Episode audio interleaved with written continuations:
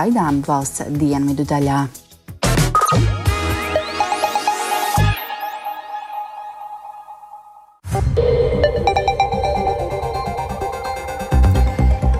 12 un 5 minūtes programmas turpinājumā 18. janvāra radījums pusdiena un tajā plašāks skaidrojums par šajā dienā būtisko. Studijā Dāca Pēkšēna, esiet sveicināti!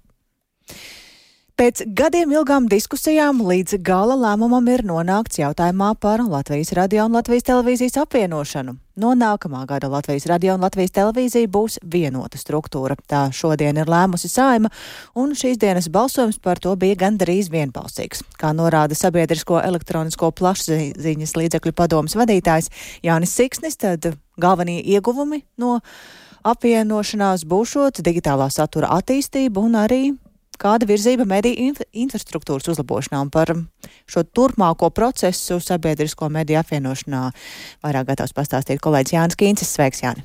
Sveicināti, jā! Šī nu diena nav pirmā, šī nav pirmā reize, vismaz pēdējo 11, bet patiesībā jau vēl vairāk gadu laikā, kad uh, saimnes darba kārtībā ir bijis šis jautājums par sabiedrisko mediju apvienošanu. Taču līdz uh, balsojumam galīgajā lasījumā tas nekad nebija nonācis. Un šoreiz šo balsojumu pavada arī valdības lēmums par papildu finansējumu sabiedrisko mediju darbam turpmākajos trīs gados. Tātad uh, sabiedriskajiem medijiem apvienošanas procesā turpmākajiem gadiem ir paredzēts lielāks finansējums tam līdz 2026 gadam sasniedzot 0,12% no iekšzemes koprodukta. Pērn tie bija apmēram 0,09%. Uh, 0,9%. Un saima arī turpmāk seko sabiedrisko mediju apvienošanas procesam. To pirms balsojuma uzsvēra saimas cilvēktiesību un sabiedrisko lietu komisijas vadītāja Lēla Rasima no progresīvajiem. Vienmēr ir bijis tā, ka pietrūks vai nu politiskās gribas, vai nu finansējuma. Šobrīd ir tā situācija, ka beidzot tā valdībā mums ir izdevies panākt vienošanos un ka mums ir tas finansējums nepieciešamais piešķirts. Mēs šodien nebalsojam par to, kādās konkrēti ēkās atradīsies turpmāk Latvijas rādio un Latvijas televīziju redakcijas. Pie šī jautājuma tiks strādāts turpmāk, tāpat kā arī pie finansēšanas modeļa kopējā, pie vienlīdzīgas, godīgas atalgojuma sistēmas izveides. Un, Komisijā sekosim līdzi, lai šis process notiktu godīgi, gan Latvijas sabiedrības labākajās interesēs, gan darbinieku interesēs. Un kas tad ir praktiski notiek tālāk? Šī gada laikā sabiedrisko elektronisko plašsaziņas līdzekļu padomas vadībā trīs darba grupas turpinās apvienotā sabiedriskā medija izveides uzdevumus par pārvaldības jautājumiem, par sabiedriskā pasūtījuma programmu, pakalpojumu attīstību un trešā sadaļa par finanšu vadības un infrastruktūras jautājumiem. To stāsta padomas vadītājs Jānis Siksnis. Abu mediju apvienošanai vienā uzņēmumā vajadzēs apmēram 3 384 tūkstošus eiro. Tas norādīts likumprojektā. Siksnis arī atkārto galvenos apsvērumus, kāpēc sabiedrisko mediju apvienošana ir virzīta. Galvenais ir digitāla attīstība. Ja kādreiz vēl tradicionāli nu, radio platforma kā tāda un televīzija tiešām bija visnotaļ atšķirīgi strādājošas un atsevišķi strādājošas platformas, tad tagad kopumā sabiedriskiem mēdījiem ir jākoncentrējas tieši digitālā satura veidā, internetu platformās. Protams, arī ir svarīgi beidzot atrisināt uh, infrastruktūras jautājumus. Nu, tie arī ir gadu gadiem uh, krājušies, ir visu laiku gaisā karājusies šī apvienošanās vai neapvienošanās. Kas notiks ar, ar, ar, ar aikām, kā tās tiks remontētas vai tiks būvēta jauna. Nu, mēs tagad beidzot varam sistemātiski šos jautājumus uh, risināt. Bet galvenais ir tas, ka nu, pēdējo gadu laikā mēdīju vide ir ļoti mainījusies un ir, ir vērts spēkus apvienot. Ir visi arī šie gadi pierādījuši, ka būtu ļoti dārgi un neefektīvi uzturēt divas paralēli strādājošas mēdīju sistēmas. Nu, jāatgādina arī, ka Latvijas radio arotbiedrība vēl pagājušajā nedēļā vēstulē saimai atkārtoja aicinājumu atlikt lēmumu par sabiedrisko mediju apvienošanu, jo trūkstot pārliecības par prognozējumu sabiedriskā, apvienotā sabiedriskā mediju finansējumu, un arī nav skaidrības, kā veidos un sadalīs apvienotā mediju budžetu infrastruktūras uzturēšanai un kā risinās mediju ēku izmaksu jautājumu, kas, bū, kas ir sabiedrisko mediju apvienošanas ekonomiskais pamatojums. Un vēlreiz komentējot šajā vēstulē rakstīto, Siksnis pauda, ka apvienošanas, apvienošanas procesā būs iesaistīti abu mediju darbinieki un padomu, kā šo uzņēmumu kapitāla daļu turētāji turpinās skaidrot visus lēmumus. Un arī, viņš arī uzsvēra, ka citēju, nebūs lielā un mazā brāļa situācijas. Finansējuma sadalē un apvienošana notiks gan Latvijas radio, gan Latvijas televīzijas un to abu patērētāju interesēs. Tad vēl piebildīšu, jā, ka Saima šodien par sabiedrisko mediju apvienošanu no nākamā gada nobalsoja bez kādām papildu diskusijām ar 75 balsīm par un vienu pret. Paldies Jānim Kīncim. Tas tātad par izmaiņām, kas ir gaidāmas sabiedriskajos medijos, bet pārmaiņas jau ir notikušas kādā labklājības ministrijas paspārnē esošā iestādē, un jautājums ir tikai, kā līdz ar nosaukuma maiņu no valsts bērnu tiesību aizsardzības inspekcijas uz bērnu aizsardzības centru mainījušās arī šīs iestādes funkcijas. Kādi tagad ir reorganizētā centra jaunie uzdevumi un mērķi, kādas izmaiņas ir gaidāmas šajā jomā par to atbildīgās amatpersonas šobrīd informēja šodien plašāk, un to uzklausīja arī Agnija Lazdeņa, kura šobrīd jau pie mums studijā. Sveika, Agnija! Kāpēc ir mainīts centra nosaukums, kas mainīsies, un droši vien būtiskākais, kas no tā būs lielākais ieguvējs, un ko ir uz ko ir vērsta šī iestādes turpmākā darbība? Labdien! Jā, pamatojoties uz grozījumiem bērnu tiesību aizsardzības likumā, no šī gada 1. janvāra valsts bērnu tiesību aizsardzības inspekcijai tika mainīts nosaukums uz bērnu aizsardzības centru un paplašināts funkciju loks, nosakot, ka bērnu aizsardzības centrs īstenos atbalsta un uzraudzības funkcijas, un kā skaidro bērnu aizsardzības centra vadītāja Gunita Kovaļevska, paplašinoties bērnu aizsardzības centram ir nācis klāt atbalsta bloks, jo līdz šim tas bija pusauģu uzticības tālrunis, bet ņemot vērā sabiedrības, bērnu un speciālistu vajadzības, paplašinātās funkcijas ir kā daudz lielāks atbalsts. Mēs plānojam gan praktisku, tātad uh, izveidot arī vardarbības intervences komandu, kas dosies praktiski uz izglītības iestādēm smagos vardarbības gadījumos, kā arī veidos uh, tādu starpprofesionāļu komandu. Tad, protams, arī uh, speciālistiem palīdzību, kas ir gan metodiskā, gan praktiskā, jo līdz šim mēs metodiski vairāk palīdzējām bērntiesām, kā arī mēs plānojam, protams, pievērsties daudz plašāk sabiedrības izglītošanai, arī vecāku izglītošanai par bērnu aizsardzību, par bērnu vajadzībām un arī papildinam analītikas ekonomikas bloku. Un vēl šogad um, ir ieplānots un arī turpināsies uh, jau valsts budžeta finansētā programma Bērna māja, kas ir tāda starpdisciplināra programma bērniem, kur ir cietuši no smagas fiziskas vai arī seksuālas vardarbības. Uh, jāpiebilst, ka funkcijas nav noņemtas kādai citai nozarei, taču ir veidots šis plašāks fu funkciju lokus, jo esot saskatīta vajadzība pēc lielākas palīdzības, speciā, palīdzības speciālistu gan vecākiem, gan arī bērniem. Protams, plašākas funkcijas paredz arī nepieciešamību pēc lielāka skaita darbinieku, kā arī finansējuma, un lai to visu nodrošinātu, centram ir piešķirts lielāks papildu finansējums pakalpojumiem un cilvēku resursam. Tostarp centrs ir struktūrāli struktūrāli, struktūrāli izveidojis iestādes iekšienē bērnu tiesību uzraudzības dienestu, nodalot uzraudzības un kontrolas funkciju, kas vairāk nodarbosies tieši ar bērnu tiesību pārkāpumu izskatīšanu. Un jāpiebilst arī, ka labklājības ministrs Uldis Augulis no Zaļo un Zemnieku savienības pauda, ka uz bērnu tiesību centra pārmaiņām skatās ļoti pozitīvi, jo šis esot labs virziens, kā strādāt ne tikai ar noteiktiem gadījumiem, bet jau laikus veikt prevencijas darbu darbu strādājot gan ar bērniem, gan ar vecākiem, tostarp izglīti, izglītot un sniegt jaunas prasmes speciālistiem. Un jāpiebilst vien, ka šī iepriekšējais nosaukums valsts bērnu tiesības aizsardzības inspekcija, nu, Tas parāda arī to, ka ne, netiks pazaudēta šī bērnu tiesība aizsardzība un arī bērnu tiesu darbu uzraudzība turpināsies un uh, tikai nāks klāt jaunas šīs paplašinātās funkcijas. Paldies Agnijai Lazdiņai, tas tātad par bērnu aizsardzības centru. Funkcija būs vairāk, redzēsim, kā beigsies ar to īstenošanu. Bet jautājums, kur Vairāk nekā desmit gadu nav būtisku uzlabojumu un aktuālās tendences nav mainījušās, ir seksuālā un reproduktīvā veselība.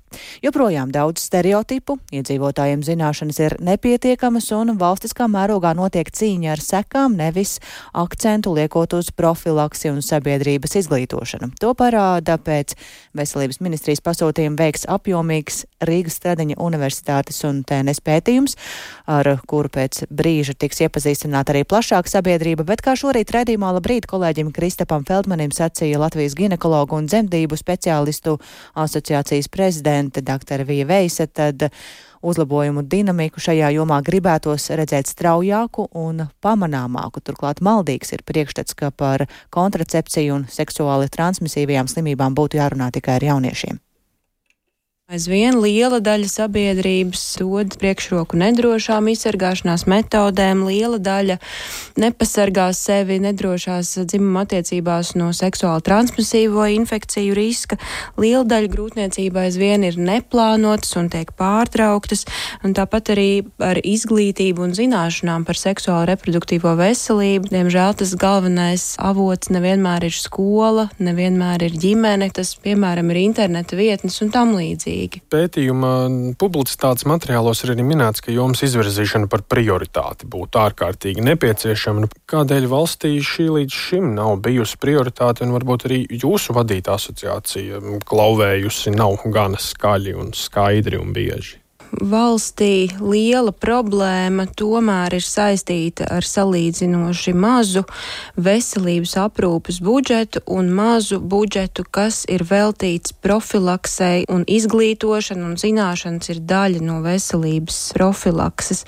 Mēs esam lielu daļu veltījuši un veltam aizvien ielaistu situāciju risināšanai un ārstēšanai, un, diemžēl, tas prasa daudz vairāk atkal šos resursus nekā tad, ja mēs viņus ieguldītu izglītībā, profilaksē, pieejamībā. Un viens no jautājumiem, kas ir bijis aktuāls tiešām gadiem, ar ko esam klauvējuši pie veselības ministrijas durvīm, ir šis uh, kontracepcijas jautājums sociāli neaizsargātām grupām.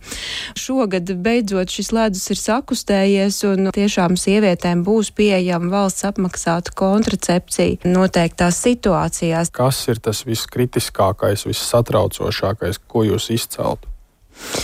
Es domāju, ka mēs arī speciālisti ikdienā savos kabinetos noteikti dzirdam diezgan daudz nepamatotu un stereotipisku uzskatu par eh, drošu un efektīvu izsargāšanos. Tāpat arī satraucoši varbūt ir tas, ka arī pirmajās attiecībās arī jaunu cilvēku vidū nereti netiek lietot kontracepcija vispār, līdz ar to atkal jaunu cilvēku pakļauj sevi riskam, ka grūtniecība var būt neplānota un ka var būt seksuāli transmisīvas infekcijas. Un kā mēs zinām atkal šo statistiku no citas puses, HIV e, jaunatklāto gadījumu vidū, nu, Latvija iet pirmajās rindās Eiropas līmenī. Tādēļ skaidrs, ka šim izglītības un zināšanu trūkumam mēs jau arī redzam sabiedrībā sekas. Piemēram, viens interesants fakts, ka salīdzinot vecuma grupas pēc 50 arī ar jaunākas eh, vecums grupas cilvēkiem, gan vīriešiem, gan sievietēm, cilvēki retāk lieto kontracepcijas metodas. Un šeit mēs domājam ne tikai nu, par izsargāšanos, jo tiesa sievietēm pēc 50 grūtniecības risks salīdzinoši tiešām ir tuvu nulai, bet runa jau ir arī par šīm seksuāli transmisīvajām infekcijām. Tādēļ nebūtu mēs varam vienmēr teikt, ka tieši jaunu cilvēku vidū ir šīs kādas bīstamākas uzvedības tendences tendenci. Kopumā visās sabiedrības daļās mums ir par ko runāt un ir ko aktualizēt. Un tas nav tikai ginekologa kabinets, kur šie jautājumi būtu jārisina, bet tas varētu būt arī ģimenes ārsts. Tālūk Rīgas Stradiņa Universitātes dzemniecības un ginekoloģijas katedras docētāja un Latvijas ginekologu un dzemdību speciālistu asociācijas prezidente Vija Beisa. Un eh, tagad pievēršamies Ukrainai, kur joprojām nav progresa sarunām par palīdzību tai. Amerikas Savienotajās valstīs diskusijas turpinās arī jaunākajās sarunās, lai arī zināma virzība ir, vienošanās nav panākta. Te jāatgādina, ka jautājums par palīdzības nodrošināšanu Ukrainai republikāņu iebildumu dēļ šobrīd ir iestrēdzis kongresā, un situācija joprojām nav mainījusies arī Vācijā, kas nav lēmusi par labu tālā darbības rādījus raķešu taurus piegādi Ukrainai un plašāk par visu Rihards Plūmi, kurš pievienojas studijās. Sveiks, Rihard! Jā, labdien! Nu, Baltajā namā trešdien, jeb pēc mūsu laika šo nakti, šo vakar, iepriekšējo nakti, iepriekšējo vakar pulcējās Republikāņu partijas un arī Demokrātu partijas kongresa līderi, lai tad uh, turpinātu meklēt risinājumu strupceļam saistībā ar militāro palīdzību Ukrainai un palīdzība kongresā ir iestrēgusi, jo republikāņi vispirms vēlas panākt vienošanos par papildu līdzekļiem, lai stiprinātu ASV dienvidu robežas drošību. Par spīti ASV prezidenta Joe Biden brīdinājumiem, ka svarīgas ASV militārās palīdzības bloķēšana Ukrainai apdraud gan ASV nacionālo drošību, gan NATO, gan arī brīvo pasauli. Aizvadītajās sarunās panākt izrāvienu gan nav izdevies. Progress esot, to ir atzinis Eh, Baltais nams, piemēram, tikmēr no nu, Republikāņu pārstāvju palātas spīkers eh, Maiks Džonsons atzina, ka eh, ir notikusi produktīva, produktīva tikšanās, taču uzstāja, ka Baidenam vēl šajā te migrācijas jomā ir jādara vairāk, kas tieši ir šīs te republikāņu vislielāk, visvairāk raisošās bāžas. Paklausīsimies, ko Džonsons teica pēc tikšanās.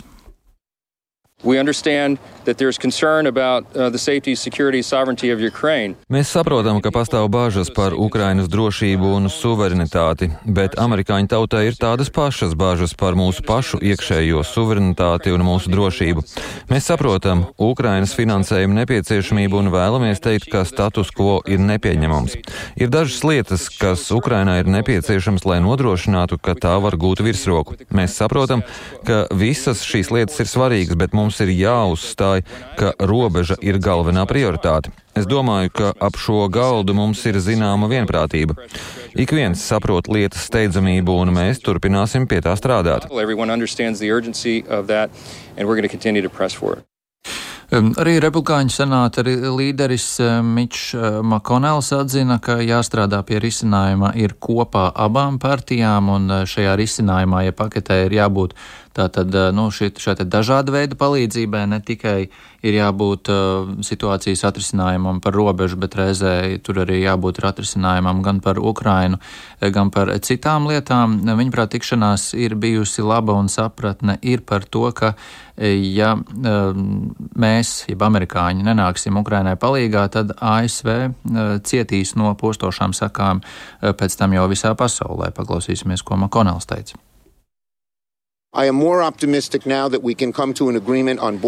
Tagad esmu optimistiskāks, jo mēs varam panākt vienošanos par robežu un Ukrainu vienā paketē, kā arī palīdzību Izrēlai, humāno palīdzību palestīniešiem Gazā.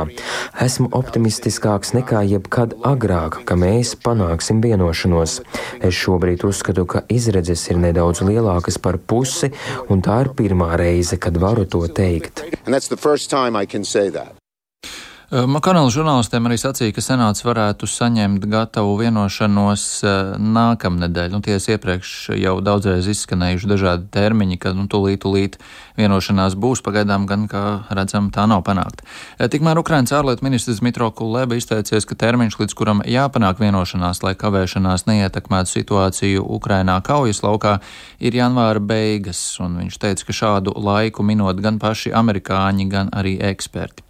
Eh, savukārt eh, Vācijas opozīcija vakar parlamentā nodeva balsošanā rezolūciju par tālu darbības rādījus raķešu taurus piegādu Ukrainai.